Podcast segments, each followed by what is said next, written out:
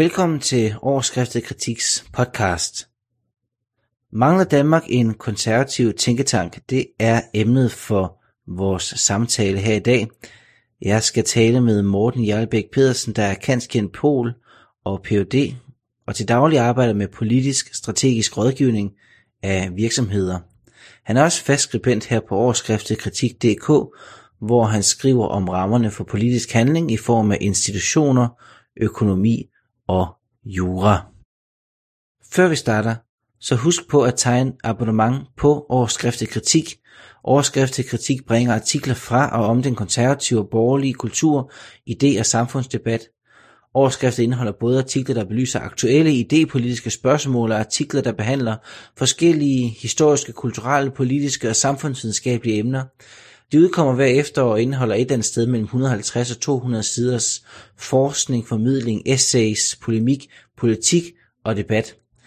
Seneste udgave det udkom i november 2017, og det bragte blandt andet artikler af professor emeritus Børge Christiansen, dr. Phil Jon A. P. Gissel, lektor Carsten Bakke Lausten, adjunkt Samuel Goldman og folketingsmand Kort Dybvad om blandt andet kommunitær liberalismekritik, amerikansk konservatisme og Donald Trump, Nietzsche og kristendommen, Hannah Arendt og den politiske religion, forholdet mellem mand og kvinde og i anledning af, at det var vores jubilæum sidste år, så en stor artikel om overskriftet kritiks historie. Det koster kun 150 kroner om året at have abonnement på overskriftet kritik, og det er de penge, vi øh, lever for, og det der gør, at vi kan blive ved med at lave også de her podcasts. Så derfor, hvis du lytter til det, og du ikke er abonnent endnu, så gå ind og tegn det abonnement lige med det samme. Det gør du på overskriftet kritik.dk. Så tøv ikke, men tegn abonnement med det samme. Morten Hjalbæk Pedersen, du skriver i din artikel, gennem de seneste 10 år eller sådan er den offentlige debat i Danmark blevet beriget med et stadig stigende antal tænketanke, og skriver også, at tænketankene har ikke nødvendigvis magt, men flere af dem har indflydelse i kraft af at være både intellektuelle kraftcentre, der på, øh, påviser og påpeger samfundets udfordringer, og samtidig være kilder til en politisk hittepåsomhed, det er et ord, vi sjældent bruger, inden for hver deres felt eller med hver deres tilgang. Og så slutter du af med at skrive, men der mangler en konservativ tænketank, eller mere specifikt, du skriver, der mangler en tænketank med blik for de problemstillinger, der fylder meget i den konservative debat, for eksempel i lyset her af den nylige debat om VK-regeringen i, i nullernes sejr eller ikke sejr i, i værdidebatten. Og der tænker du selvfølgelig på den bog, der er skrevet om øh, værdikampen øh, her øh, for nylig. Men før vi nu kommer omkring det her emne øh, med den eventuelle mangel på en konservativ tænketank, og hvordan vi får sådan en, så tror jeg måske, vi skal øh, sådan starte med det helt grundlæggende, nemlig, hvad ligger der i det her tænketanksbegreb? Jeg tror, for nogen udeforstående, og måske også lidt for mig i virkeligheden, så er, det, så er der sådan en, en snært af modebegreb i det her, øh, den her idé om en, en, en tænketank. Altså, en, en hver kan jo øh, sætte sig ned med en raslebøsse og gode idéer og påstå, at han er en, en tænketank. Hvad, hvad ligger der, hvis vi skal være mere præcise i vores begrebsbrug, hvad ligger der så i begrebet tænketank? Altså, det er jo fuldstændig korrekt, det, det, som du siger, at enhver kan sætte sig ned og påstå, at man, man er en tænketank. Men, men det, der karakteriserer dem, øh, ikke mindst også i den danske debat, det er, at, øh, som jeg også skriver i artiklen, er, at, at de fungerer som øh, politiske laboratorier, samtidig med, at de er, er policy-snekere. Altså, de, det er en organisation, som bevæger, bevæger sig op over debattørniveauet. Det pointerer jeg vist også. Øhm, fordi de ikke bare pointerer øh, problemer i samfundet, det her, men altså også forsøger på analytisk vis at anvise løsninger, mange af dem. Og det er sådan det, der gør dem mere interessante end bare øh, som øh, kvalificerede debattører, synes jeg. Så de, øh, de, kan, de ligger op til, de har sådan en konkret forbindelse til udformning af det, som man på jeres sprog øh, og godt dansk kalder for, for policies. ja, fuldstændig korrekt. Og, og der ligger også noget, man kan sige, analytisk og øh, tyngde bag, bag det. Altså, de har den her karakter, måske især i Danmark, at de er sådan lidt, øh, de er regnemaskiner. Ja, det er de i den grad. De har data bag deres ja. øh, holdninger og øh, analyser. Ja, og man kan sige, at lige præcis det, at de er regnmaskiner, er faktisk en af de ting, som, som jeg peger på. Øh, og siger, at, at netop fordi de er regnmaskiner, så har de en, en vis i hvert fald emnemæssig slagside ved at være langt de fleste er meget optaget af øh, økonomiske problemstillinger og økonomiske problemstillinger alene, eller i hvert fald i langt overvejende grad i sammenligning med andre emner. Ja, lad os prøve at se lidt på det, fordi du har faktisk i din artikel en, øh, en øh, ret, jeg ved ikke om den er fuldstændig udtømmende, men en ret øh, fin gennemgang af øh, tænketankslandskabet i Danmark. Kan du tage os med på en, øh, en øh, rundtur i den jungle? Jamen, så må vi hellere stige øh, ombord i bussen. Øhm, altså, det er, det er jo ikke en udtømmende liste, fordi som jeg endte med at skrive, så er Tænketanks Danmark jo vokset ganske markant de sidste 10, ja, hvis ikke også de sidste 20 år. Øhm, så det, det man ligesom burde kigge på, sådan set fra en, en konservativ eller borgerlig position, det er, hvilke tænketanke er de mest interessante. Og der kan man sige, der er det økologiske råd måske mindre interessant. Og, øh, og beskæftige sig med i det omfang, det kunne betragtes som en tænketank, øh, og ikke bare en almindelig interesseorganisation som et eksempel.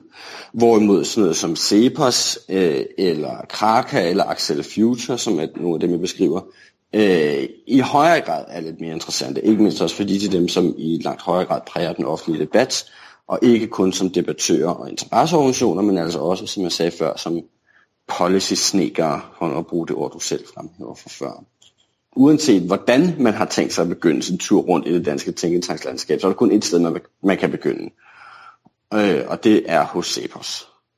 Fordi i min optik er det ubetinget den mest succesrige af alle danske tænketanke. Øh, og det tror jeg ikke, der er ret mange selv blandt øh, Cepos arveste kritikere, øh, der vil være uenige med mig i. Nej, og der er jo også lavet helt konkrete øh, undersøgelser af, øh, hvilken indflydelse Cepos har. Måske ikke øh, mm. kun i udformning af specifikke policies, men jo også i forhold til, øh, hvilke eksperter det er, der der toner frem på, på skærmen. Der må man sige, at Sebas har haft en øh, høj grad af synlighed og, og gennemslagskraft. Det må man sige, de, de gør det utrolig godt, øhm, og er, er jo altså, ualmindeligt dygtige mennesker, der sidder derinde. Øh, det man ligesom set fra en, igen fra en konservativ position kunne øh, ikke, ikke ønske sig, for det er jo ikke en kritik af dem, det er jo bare sådan, som de nogle gange har valgt at fokusere det er, at, at Cepos i deres analysevirksomhed og i deres politiske virksomhed, og det er jo det, der er det væsentlige her i forhold til at være en tænketank, alene, eller i hvert fald i langt overvejende grad, fokuserer på økonomiske emner, eller hvad man kan sige, hvordan man får mere marked ind i den danske socialstat.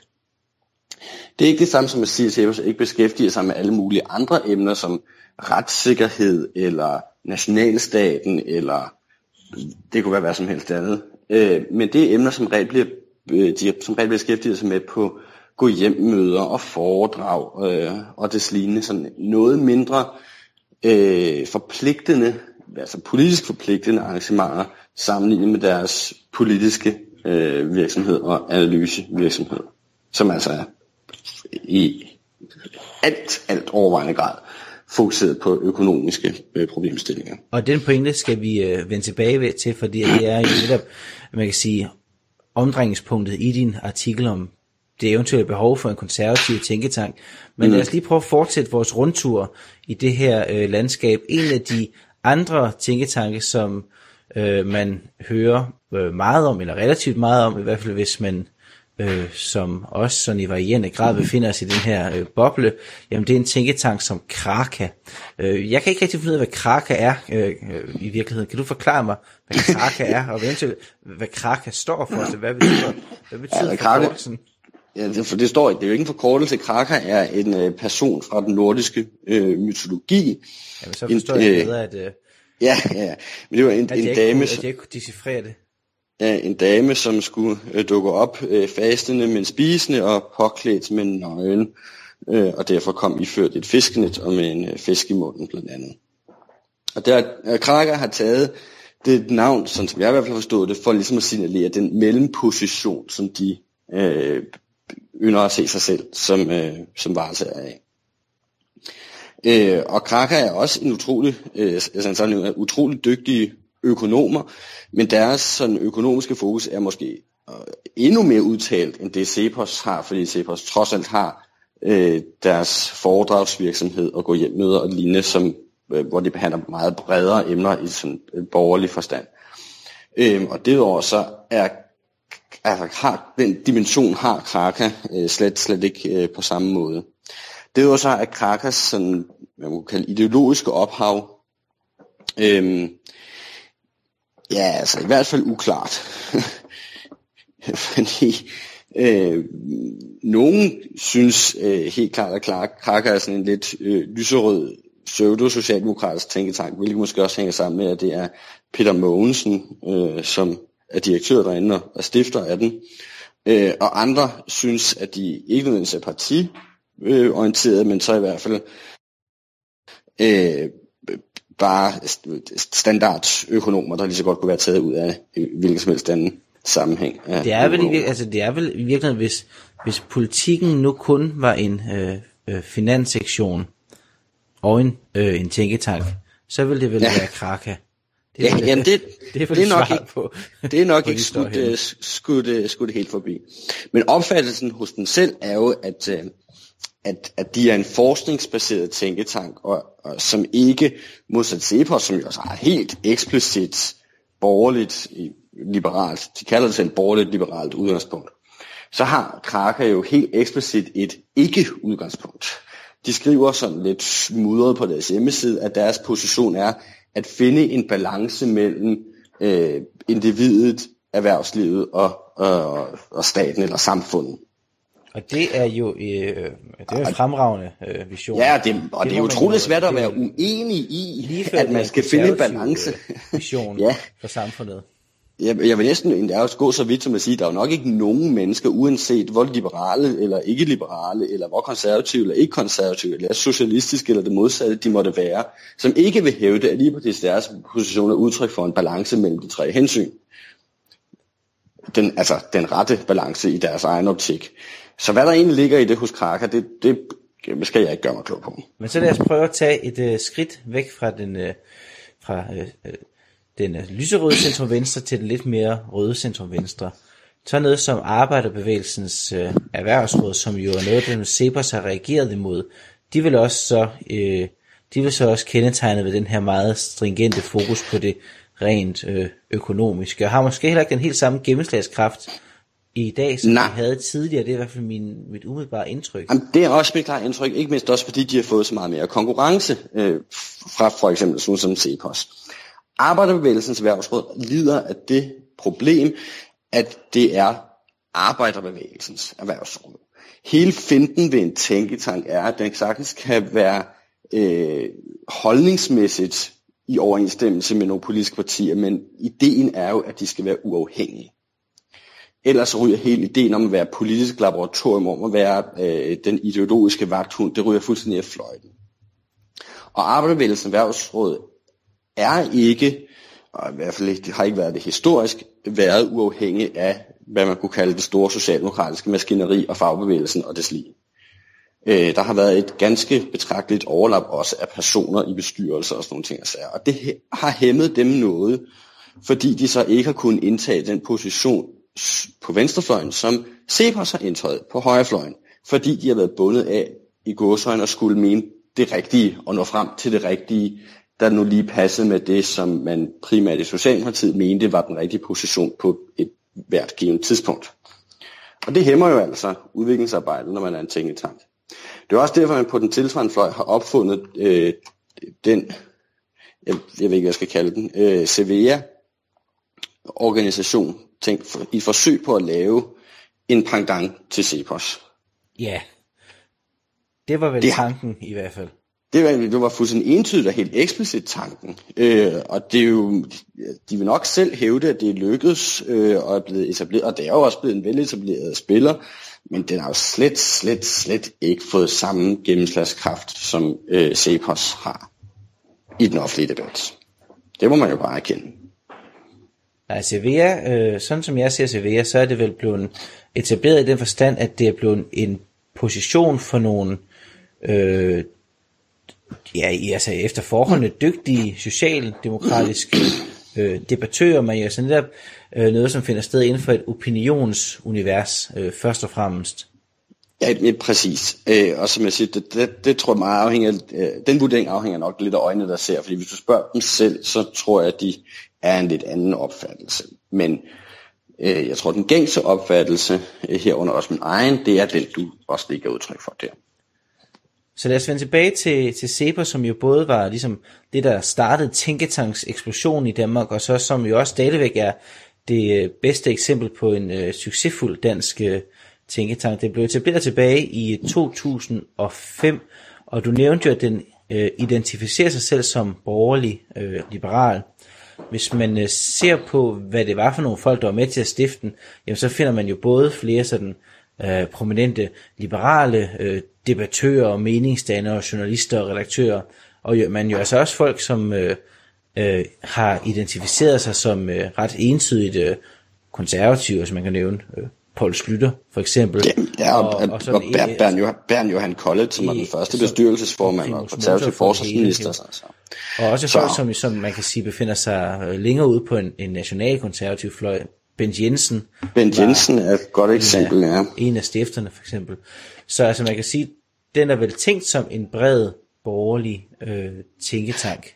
Ja, helt øh, indtil, og det forklarer måske også, øh, at man hos Cepos har valgt, eller i hvert fald delvist hvis med sig forklare, men hos, hos har valgt det her meget entydige fokus, der hedder øh, markedsøkonomien og velfærdsstatens for, jeg vil ikke sige fortræffeligheder, for det er jo det modsatte, men fortrædeligheder. Øh, fordi det er ligesom det, man kan blive enige om. Altså det er det, de, langt de fleste liberale og langt de fleste konservative ligesom har en eller anden form for fælles fodslag om. Det er, at øh, der skal være lidt mere marked og lidt mindre socialstat i Danmark så kan graden, det kan jo så diskuteres frem og tilbage. Og det betyder så, at man kan sige, at det specifikt øh, konservative øh, forsvinder. Øh, man kan også man kan så tænke indvendt, at, at det forhold, at man øh, fokuserer på det, som de konservative og de liberale er enige om, måtte jo så også betyde måske, at det specifikt øh, liberale forsvandt. Men det er egentlig ikke mit indtryk, øh, og grund til, at det ikke er mit indtryk, det er, at øh, ved siden af det her meget sådan analytiske og, og grundige savlige arbejde, der foregår i Cepos, jamen så er Cepos jo også en, en stemme i debatten, altså det befinder sig også inden for det her opinionsunivers. Og det er, yes. selvfølgelig ikke noget, jeg kan sige med andet end sådan en anden form for fingerspidsgefyl. Men det er mit indtryk, at når Cepos blander sig i øh, emner, som ligger uden for deres kerneområde, eller når personer tilknyttet Cepos blander sig i emner, der ligger uden for det økonomiske kerneområde, jamen så er det med holdninger, som man jo nok må beskrive som mere liberale, eller måske ovenikøbet mere libertarianske end, øh, end konservative. Altså holdninger, som jo partipolitisk først og fremmest øh, finder sit udtryk i en specifik fløj af, af Liberal Alliance. Det, det tror jeg overhovedet ikke, der er nogen, hvis der er tvivl om, og det tror jeg egentlig heller ikke, hvis du ringede ind til Cepos, eller lavede en anonym rundspørg hos dem, hvis de ville gå med til det, at de ville blive benægte overhovedet. Og det der er ved Cepos, som er ret øh, specielt, og jeg ved ikke om det er sådan hos de andre, for så godt øh, kender jeg jo ikke alle detaljerne af ansættelsesforholdene i alle tænketanke i Danmark. Men det der er hos Cepos, det er, at alle de ansatte derinde, de ansatte eksperter, er personligt uafhængige. Det vil sige, at den rolle Cepos får i debatten afhænger ret meget af, hvem det er, de, altså hvilke personer det er, de ansætter. Hvis man sammenligner med for eksempel erhvervsorganisationerne, så betyder det jo lidt mindre. Altså dansk industri mener rimelig meget det samme, uanset hvem der måtte være øh, branchedirektør for X eller Y i dag eller i morgen. Men Cepos, der afhænger det rigtig, rigtig meget af personerne. Og der er bare en overvægt af ja, helt entydigt liberale, eller måske endda, som du sagde, libertarianske øh, personligheder derinde. Og det er sådan, det er. Altså, og de gør det jo sådan set på deres præmisser ganske, ganske godt. Det må man heller aldrig nogensinde benægte. Men det betyder så bare, at der måske, og vi skal igen understrege, måske er en øh, grobund for en øh, konservativ tænketank. Det er i hvert fald ja. det, som du jo lægger op til. Men øh, det første jeg lægger spørgsmål... I hvert fald op til at, jeg lægger i hvert fald op til at op, diskutere til det, for, diskutere fordi, det, ja. fordi der, der gik du lige et skridt på vej, fordi man kan sagtens sige, at så er der i hvert fald øh, grobund for, at man kan diskutere, at der er nogle emner, som vi ikke på samme måde øh, bliver behandlet eller får sat pres på i den offentlige debat. Det er jo ikke det samme som at sige, at vi kan, kan finde folk, der faktisk vil kunne enes om at lave en konservativ tænketank. Nej, det er vel nok eller, et, af, et af problemerne. End sige finde pengene til det. Altså, så. Ja, men så lad os prøve at, at træde et skridt tilbage og starte med, hvad er det så for nogle emner, der trænger til en behandling fra noget, som måske kunne være en konservativ tænketank? Altså, øh, som jeg ser det, så er der måske især en 2-3-4 stykker, som Cepos jo også behandler, men så er det gerne, når de holder, som jeg sagde, foredrag, eller går hjem ud, eller lignende, eller hvad man siger, andre øh, menighedsrådsmøder, som ikke øh, påvirker den, den bredere debat i voldsomt øh, meget forstand. For eksempel så er der spørgsmålet om øh, national suverænitet og EU, og, altså nationalstatens rolle i det 21. århundrede som sådan.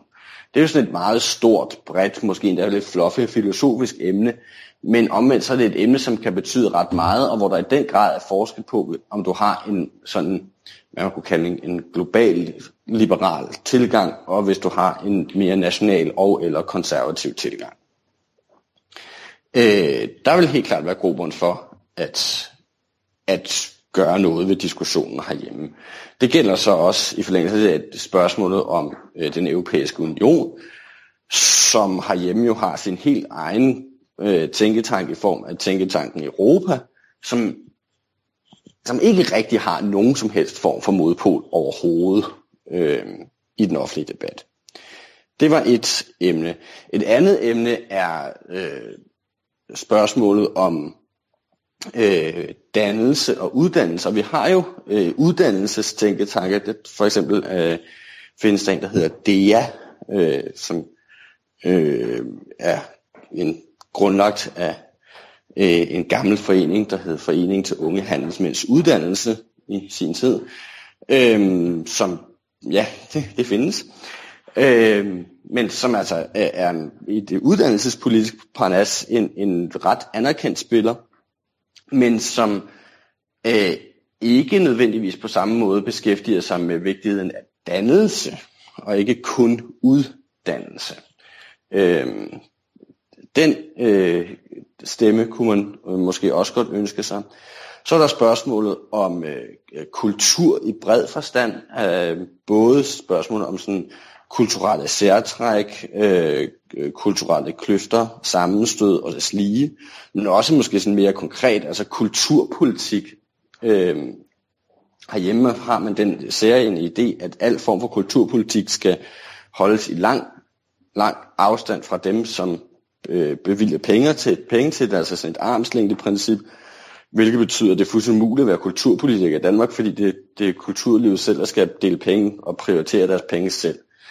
Øh, og fra en liberal holdning vil jeg bare sige, at du, der bare skal færre penge til, til den slags, men fra en mere konservativ position vil man måske godt kunne tillade sig en substansdiskussion af det.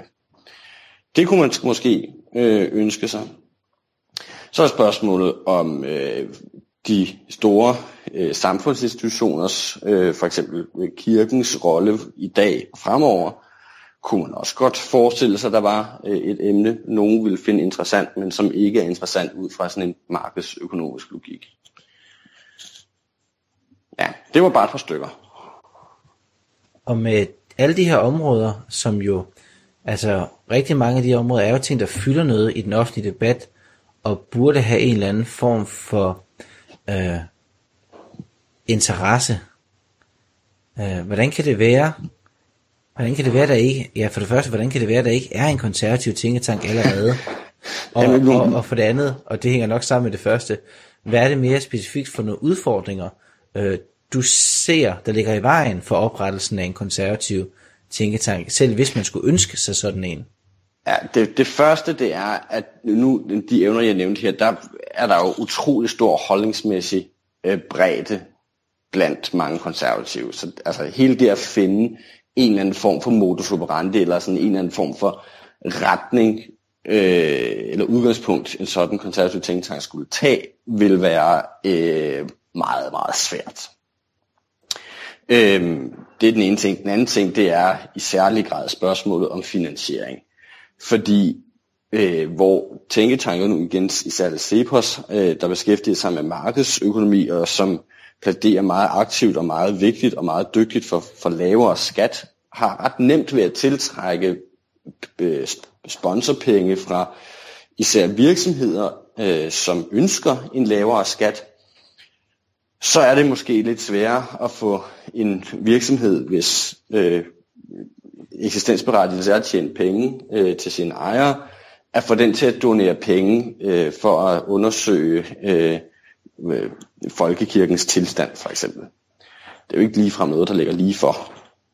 Så kan man sige, så var der nogle steder, hvorfra at, at noget kunne udvikle sig øh, til det. Altså øh, for eksempel det arbejde, I har lavet med Mungo Lorentzen og lignende, hvor der er gjort meget i at skabe sådan en, en debat, men for ligesom at så hoppe videre til at være en egentlig tænketank og sådan en, en egentlig politisk aktør, så kræver det bare en, en ret omfattende professionalisering af analyseindsatsen og det politiske arbejde, øh, og igen det med at formulere policy, som kræver en helt ufattelig stor arbejdsmængde, øh, og dermed så også en del finansiering, hvilket så bringer os tilbage til det. Og som man kan høre, hvis der er nogen, der sidder derude med omtrent øh, 15 millioner kroner, det var det beløb Cepos skrabede sammen for at starte, så øh, kan man indbetale dem på årskriftet Kritiks konto. Man kan finde vores kontooplysninger på årskriftet kritik.dk i den menu, der hedder om os, og så er der et underpunkt, der hedder støt årskriftet kritik. Vi siger på forhånd tak for de omtrent 15 millioner kroner, og lover, at hvis de kommer, så vil vi straks forvandle bladet til en meget sprudlende og virksom tænketank, som kan flytte den øh, konservative opinion frem i den offentlige debat. Tak for det, Morten Jarlbæk Pedersen. Selv tak.